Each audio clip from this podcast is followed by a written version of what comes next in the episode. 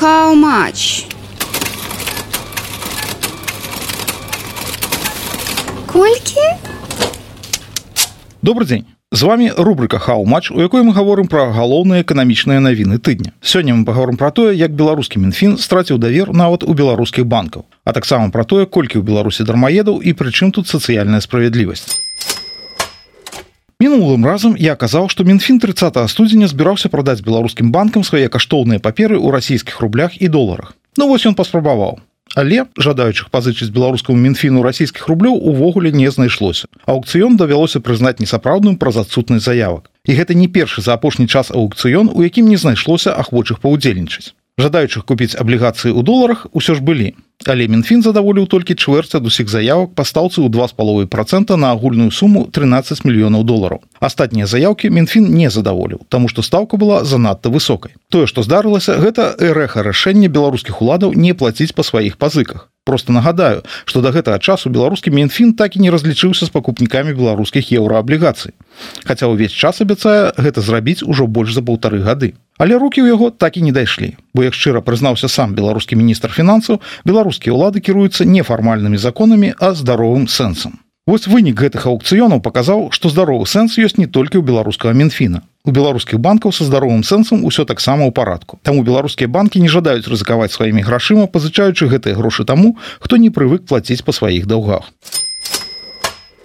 Ну і паколькі з грашыма з-за гэта ўзнікаюць некаторыя нязначныя цяжкасці беларускія ўлады нястомна шукаюць як бы ім зэканоміць. Вядома у чарговы раз на сваіх грамадзянах напрыклад на тых каго яны лічаць дармаедамі. Таму што на тыдні спіс дармаедаў якія павінны аплачваць паслугі ЖКХ эканамічна як гэта называется абгрунтаваным тарыфе зноў пашырылі.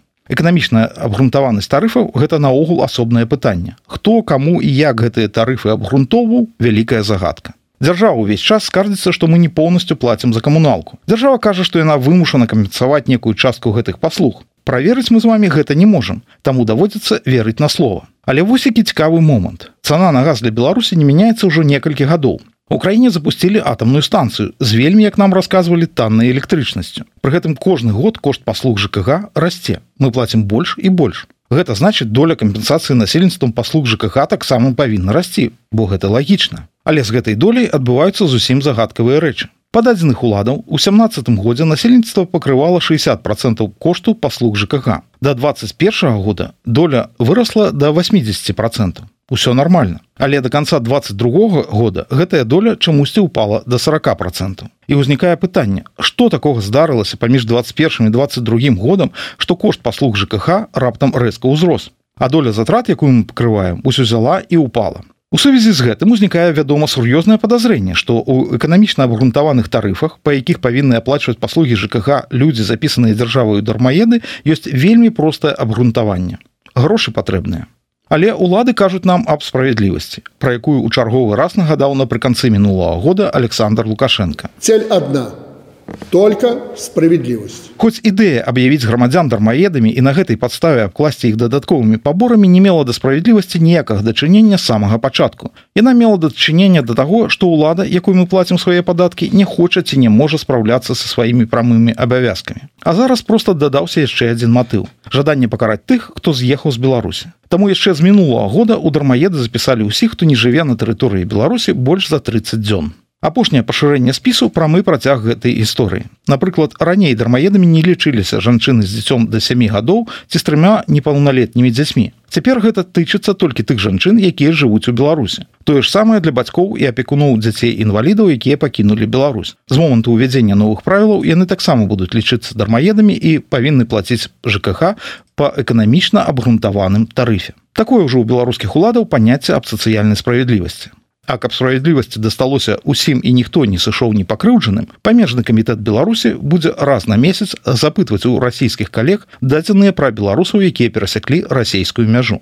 Бо на павышаных тарыфах за ЖКГ беларускія ўлады, вядома, не збіраюцца спыняцца. У нашых уладаў яшчэ шмат ідэяў аб тым, як паправіць свае справы за наш кошт. Яшчэ з мінулого года улады загаварылі аб тым, што грамадзяне, прызнаныя дармаедамі, павінны аплачваць па поўным тарыфе адукацыю і медыцынскія паслугі. Вось што сказаў Александр Лукашенко. Несколько тысяч не работают, а социальные услуги, в том числе образование и особенно здравоохранение – они получают так, как все. И даже впереди нас.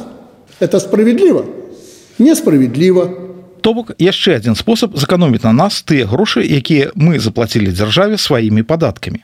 А зэканоміць можна шмат, бо гаворка ідзе пра тое, каб падабраць сацыяльныя гаранты ў сотняў тысяч беларускіх грамадзян. Колькі дакладна сказаць немагчыма. Колькасць людзей запісаных у дармаеды улады апошнім часам трымаюць у сакрэце. Ну і мусіць правільна, Таму што лічбы могуць атрымацца шакуючымі. У 19 годзе улады налічылі ў краіне 425 тысяч чалавек, якія як яны гавораць не занятыя ў эканоміцы. І гэта ж усё было да таго, як пачаўся масавы зыход беларусаў з краіны і да таго, як беларусаў, якія з'ехалі з краіны сталі записываць у дармаеды. Зараз паводле самых мінімальных афіцыйных звестак з краіны з'ехалі 200 тысяч чалавек, а па неафіцыйных дадзеных ад афіцыйных асоб усе 350 тысяч. Зразумела, што многія з тых, хто з'ехаў былі дармаедамі і раней. Таму колькасць дармаедаў за 19 год нельга скласці з лікам мігрантаў, каб атрымаць канчатковы вынік. Але ў любым выпадку паўмільёна дзейных актыўных дармаедаў гэта вось проста самы мінімальны мінімум. А хутчэй за ўсё іх вядома больш. І гэта пры чатарух з невялікім мільёнах людзей, якія заняты ў эканоміцы. Гэта значыць атрымліваецца што прыкладна 10 ці нават 15 процентаў працаздольных грамадзян беларусі беларускія ўлады запісалі ў людзей другого гатунку. Перад якімі свае сацыяльныя абавязкі можна ўжо і не выконваць прыкрываючыся пры гэтым лозунгамі пра сацыяльную дзяржаву на гэтым усё. З вами была рубрика хау матч пачуемся на наступным тыдні. Усяго добрага. How much?